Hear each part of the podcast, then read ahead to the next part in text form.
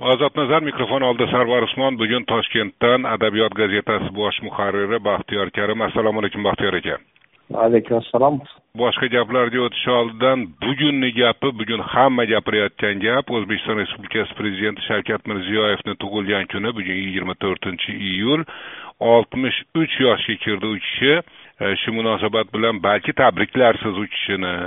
Shu kun munosabat bilan balki bir boshqa gap aytarsiz. Marhamat albatta biz yurtboshimiz e, davlatimizni rahbarini tug'ilgan kunlari bilan tabriklaymiz. U kishini siyosat maydoniga kelishlari albatta oldingi rejimga nisbatan katta bir yangilik bo'ldi.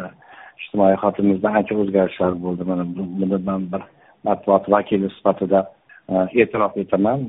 Anchagina tilimiz chiqib qoldi so'z erkinligiga yaxshigina bir turtki berdilar. Matbuot erkinligida o'zgarishni tanimaslik mumkin emas gangsterlarimiz ozgina nimalar bilan bo'lsa ham qiyinchiliklar bilan bo'lsa ham chiqyapti shu ma'noda shavkat e, miromonovichni bugun tug'ilgan kunlari bilan tabriklab shuni ijtimoiy hayotimizdagi xizmatlarini bir marta ta'kidlamaslik insofdan bo'lmaydi deb hisoblayman bas shavkat mirziyoyevni tug'ilgan kuni munosabati bilan matbuot erkinligi ustida ketgan ekan gap kunni yana bir voqeasini mana kecha biz andijon hokimi jurnalistlarga besh million so'mdan tarqatganini xabar qildik. Bir necha kun oldin bo'lgan voqea. Xabaringiz bo'lgandir bu qulog'iga qulog'imga chalindi nimani o'yladingiz shu voqeani haqida eshitar ekansiz o'qir ekansiz? Endi man bunga juda taajjublanganim yo'q. Har bitta kasbda bir bir hokimlar bir rahbarlar e'tirof etsa yomon bo'lmas edi lekin buni bir qanaqadir bir tiyib qo'yish ma'nosida nima qilmaslik kerak ehtimolgina ehtimol nihoyat e, o'sha rahbarlar matbuot xodimlari ham bir tirik jon ularga ham bir moddiy ko'mak zarar keltirmaydi e, degan ma'noda bo'lsa bu xayrli ish. Endi buni bir tilim kiyib qo'yish ma'nosida bo'lsa bu juda katta bir mablag' emas va buni bir nima deb o'ylayman man kattaroq ma'noda e, hatto shu narsani qulog'imga chalindi buni rostmi yoki yolg'onligini bilmayman turli darajadagi e, deputatlarga plastik raqamiga ma'lum bir vaqtda ma'lum bir rahbarlar tomonidan pul tashlab qolishini eshitaman va bu kattaroq fojia mana jurnalistlarga besh milliondan bergandan ko'ra qonunchilikni mamlakat taqdirini hal qiladigan e, turli maqomdagi deputatlarni plastik raqamiga ularni maoshidan tashqari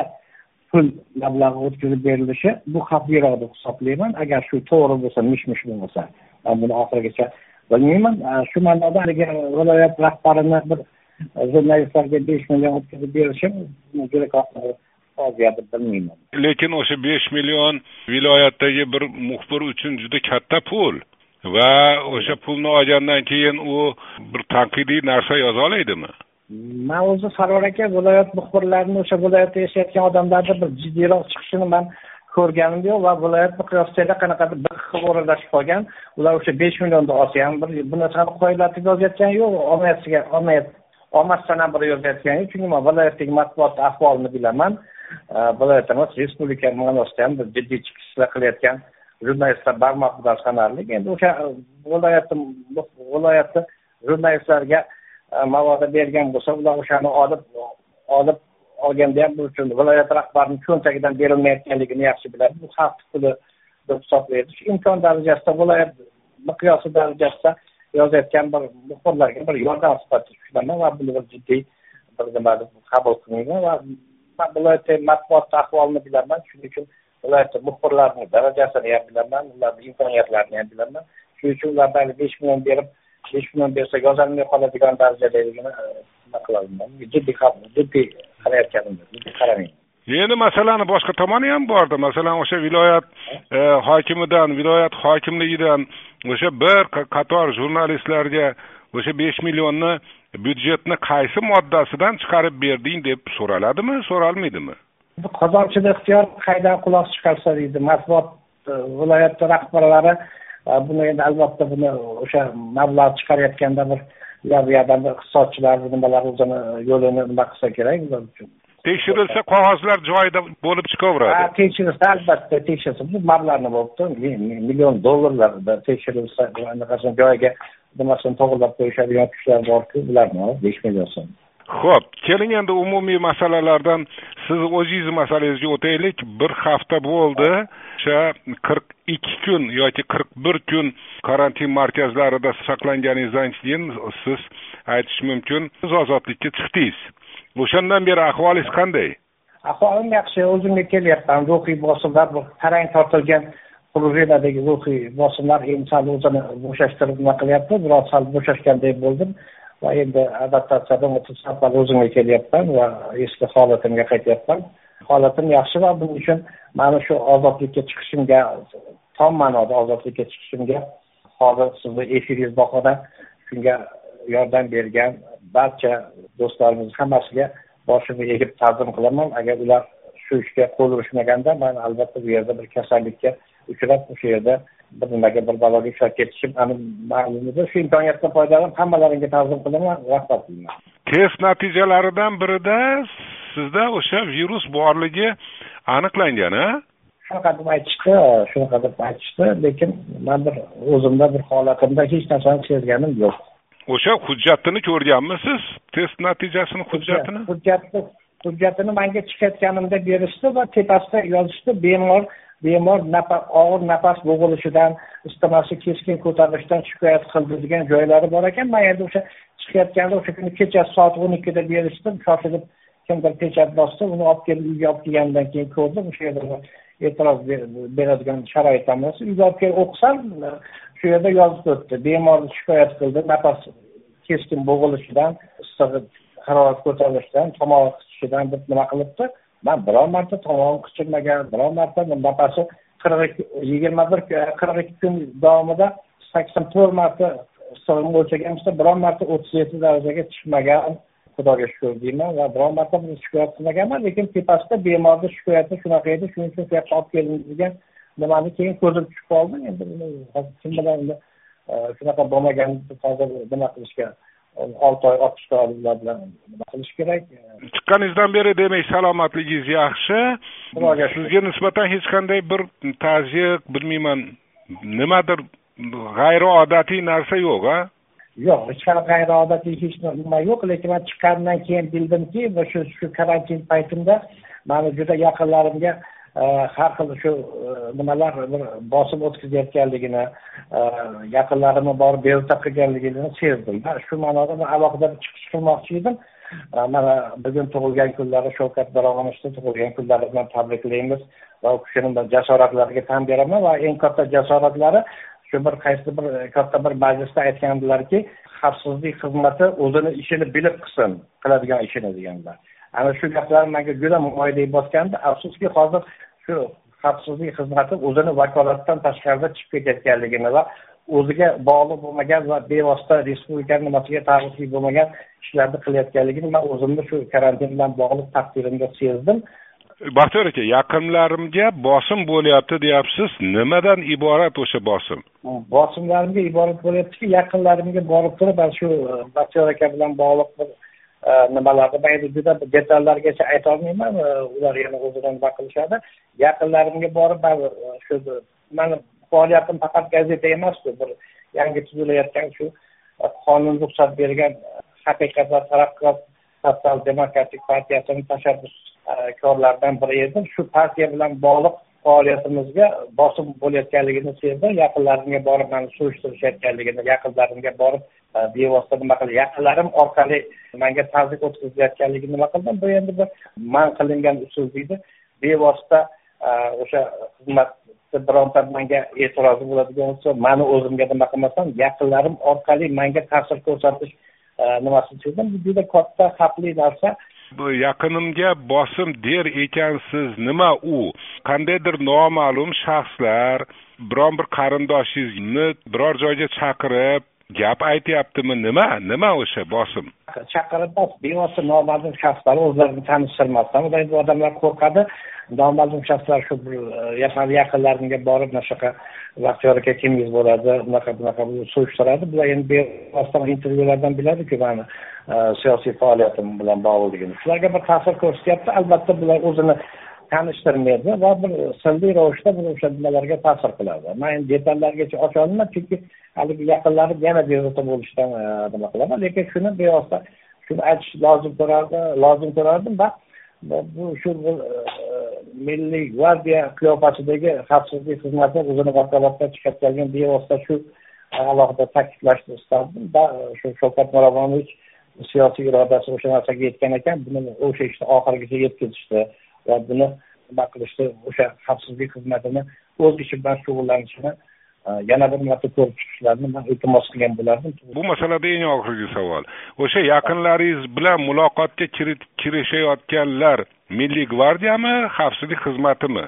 Mana shu partiyaga borolmayman mana shu milliy gvardiyani xavfsizlik xizmatini bir ko'rinishi sifatida qabul qilaman va ularni bilmayman. Mana shu milliy gvardiya bo'lmasa kerak shu e, xavfsizlik xizmati idoralari bo'lishi kerak xavfsizlik xizmati idoralari bo'lishi kerak. Chunki ularni yaqinlarimni borib uy joylariga borib boshqa bir nimalariga borib surishtirganlarini va ular o'shandan bezovta bo'lib manga murojaat qilishganligini va bu manga ayniqsa e, karantindan keyin sog'lig'imni tiklash jarayonida manga salbiy ta'sir ko'rsatayotganligini alohida ta'kidlab e, nima qildiraman o'sha buni o'tgan safar suhbatda ham ko'rdik. O'zi partiyamizni e, partiyani o'sha nimani e, viloyatdagi guruhlarga ham ta'sir qilayotganligini ularni ichki ishlar bo'limlari chaqirib hali ochilmagan partiyaga bunaqa qilmanglar u qilmanglar bu qilmanglar degan bir maslahatlarni berish ko'rinish ma'nosida nima qilyapti. Bular endi o'sha eskidan o'sha sho'ro davrida qolgan man esimda bor saksoninchi yillarni boshida ham e, yosh degan jurnalda ishlardik. O'sha paytda sssr davrida ham shu narsa bor edi shu chaqiriqlarda ayniqsa rahbar lavozimiga yaqinlashib qolganingizda esimda bor saksoninchi yillarda e, oxirida bir nimaga chaqirilganda bular alohida hozir chilonzorda medik degan e, nima bo'lardi. Hozir eski chilonzor bo'lsa kerak o'sha yerga chaqirib o'ris odam yonida pistolet turardi. Biz bilan biz bilan hamkorlik qilasan deb qo'l qo'ydirib boshqa narsa qilmaguncha biz nimalar qilamiz o'sha o'sha metodlar tazyiqlar o'sha o'sha nimalarni saqlanib yomon ko'rinishda baribir saqlanib turibdi deb o'ylayman. Albatta u darajada emas. Pistoletni qo'yib shu narsani qilasan deydigan darajada emas lekin baribir shu eski odat eski odat amri mahol degani shuning uchun biz bilishimiz kerak. Biz hozir demokratik davlat quryapmizmi yoki bir yana o'sha eski nimaga qaytyapmizmi? Mana hozir o'sha milliy nimalari karantin kunlari ular moshinada yurishadida haligi non sotayotgan do'konlarga yop do'konlaringni deydi. Hech qanaqa bir nima yo'q. Non do'konlari ishlab tursa ayniqsa oltidan keyin ularni yoptiradi. Ular non nonponlarni olib keladida ular ishdan keyin kelib donni olish kerak. Noni qotib qoladi. Lekin milliy gvardiya moshinada o'tib ketayotib yop do'koningni deb haligi nimada trubkadan nima qilib nima qiladi? Ularni hammasi mana bu qanaqa erkin bir jamiyat quradigan bo'lsak mana shu nimalarni nima qilishimiz kerak? Yo bo'lmasa e'lon qilish kerak. Biz yana eski eski tuzumga qaytyapmiz eski nimaga qaytyapmiz? Bizga shu usul qulaydi boshqalar shu usulni ochiq e'lon qilish kerak va shuni bir kerak va biz o'shaga eski bo'yinturuqni bo'ynimizga olib yana o'sha eski jamiyatda yashashga ko'nikishimiz kerak va shuni ochiq aytishimiz kerak. Endi amalda og'izda biz demokratik jamiyat orqaga qaytish orqaga qaytma bizga orqaga yo'l yo'q deb shavkat miromonovich yuksak minbarlarda aytiladi e, orqaga tortadigan e, bizni ko'priklar e, yoqib yuborildi deb aytadilarda lekin o'sha ko'prikni keltirayotgan xizmatlar o'sha eski odatga ko'nikkan eski odatda eski zamonda quvsayotgan kuchlar haliyam borligi va shuni tuzishga harakat qilayotganligi bu endi fojia jamiyat fojiasi. Tushunarli baxtiyor aka mana qirq bir kun davomida siz bir unikal tajriba to'pladingiz. Bir emas uchta karantin hududida yashadingiz. O'rta saroy undan keyin teri tanosil kasalliklari klinikasidagi karantin hududi va undan keyin ikkinchi tabobat akademiyasida turdingiz. Va karantin zonalarini mana ich ichidan bilasiz. Uchta zonadagi ahvolni yaxshi o'rgandingiz deyish mumkin. Nimasi yoqdi nimasi yoqmadi? Shu ishni tashkil qilayotganlar nimalarga e'tibor berish kerak deb o'ylaysiz? Endi yoqmaydi yoqmagan tarafi birinchi o'rta saroy karantin zonasi juda bir sirli ravishda nima qilingan u yerda antennalar ishlamaydi u yerda telefonlarni olib qo'yishga e, majbur qilinadi va telefon muomalasidan foydalanish taqiqlanadi va man buni tushunmayman. Bu yerda qanaqadir bir nima bor bu yerda bir e, sirli hech narsa bo'lmaydigan bo'lsa davolanish nimasi bu e, karantin zonasi bo'lsa va bu yerda hech narsani tushunmayman endi albatta uni to'rt kishilashib e, nima qilinganda o'zini afzalliklari bor. To'rt kishi masalan masalan mani oilam misol to'rt kishi bo'ldik boshqa kontaktga kirmaydi. Hatto ovqat beradiganlar ham eshikni taqillatib qo'yib eshik tagidan kirmay tashlab ketadi. Boshqalar bilan muomala bo'lmaydi. Bu darajada bu jihatdan yaxshi. Ikkinchi endi bu lekin narigi tarafda telefon muomalasi yo'qligi va jazirama issiqda konserger masalalari shu narsani o'ylab ko'rish kerak uni bir minus tomonlari bor. E, karantin o'sha e, nima yosh bola bilan bo'lganda nimadan foydalana olish imkoniyati yo'qligi e, va e, jazirama issiqda bir qanaqadir bir boshqa bir yo'llarni bir e, nima qilganda yaxshi bo'lardi. Buni yomon plyus tomoni va minus yaxshi tomoni va yomon tomoni bor to'rt kishi alohida boshqa kontraktga kirib kirishilmaydi endi keyingi nimalarda masalan keyingi teri tanosul kasallikda karantin nimasiga aylantirilganda u yerda umumiy yo'lak umumiy bir foydalanishi dushxona hojatxona u yerda bitta odamda bir kasallik bo'lsa ham demak hammaga yuqish imkoniyati shu tarafdan yomon taraf. Endi lekin unda e, haligi nima tepadan jazirama issiq bo'lib turmaydi konditsioner bevositasiga ta'sir qilmaydi. E, bu jihatdan e, nimasi bor lekin o'sha ikkalasi endi bu ikkalasi ham karantin zonada bo'lmaydi ikkita birinchi ikkitasi karantin zona ikkinchisi endi davolash muassasasi toshkent e, klinikasi. Bunda endi farqi bor ularda ularda chiptaga olinganlar va bu yerda bir bevosita kasallik aniq tashxis qo'yilgan e, bemorlar. Uni uchinchisini karantin zonada bo'lmaydi davolash muassasasi uchinchisi e, o'sha toshmiydagi ikkinchi tabobat akademiyasida ochlik e'lon qilgan kuningiz. Men siz bilan gaplashdim o'sha qirq birinchi kunida va sizdan iltimos qildim. O'sha yotgan joyingizda suratga tushib bering deb. Siz suratga tushdingiz o'sha yotgan xonangizmidi yotgan palatangizmidi o'sha? Yotgan yotgan palata o'sha yerda karavotdan boshqa hech narsa men ko'rmadim masalan o'sha suratda. Sizni ko'rmasligingiz sabab mandan bir kun siz o'sha suhbatlashgan kunimizdan bir kun ikki kun oldin mani xonamdagi boshqa bir bemorlar davolanib chiqib bo'ldida va man boshqa bemorlarni bu yerga qo'yishlariga qarshilik qildim. Shunda ular mani jurnalistligim uchunmi yo boshqa bir nimalar sababli keyin boshqa xonalarga karavotlarni olib chiqib ketishdi va o'sha katta xonada bir e, keng uyni kelinchagidek man o'zim alohida yotdim. Shuning uchun alohida bir e, nima bo'lib turdi va karavotim turibdi. Bitta xonada bitta o'zim qoldim. Yo'q men men so'ramoqchi bo'lganimki oldingi test natijalariga ko'ra koronavirusga chalingan odam edingiz bemor edingiz. Ha? Albatta lekin bemorga qo'yilishi kerak bo'lgan bemorni karavotini yonida turishi kerak bo'lgan apparaturalarni ko'rganim yo'qda yo'q u yerda hech qanaqa apparatura bo'lmaydi shu yengil yengil yengil shaklda hech qanaqa apparatura boshqasi bo'lmaydi. Apparaturalar faqat shu og'ir bemorlarda bo'ladi oson qo'llar turadi boshqa bu yerda faqatgina yengil yengil yengil shakldagi bemorlarga shu ertalabki doktor shu antibiotiklarni tashlab ketadi. Hatto bironta ukol ham qilinmaydi. Chunki o'ta hech ko'rmasligi bir nima emas nima emas. U yerda hech qanaqa apparatura yengil shaklda hech qanaqa nimalar bo'lmaydi.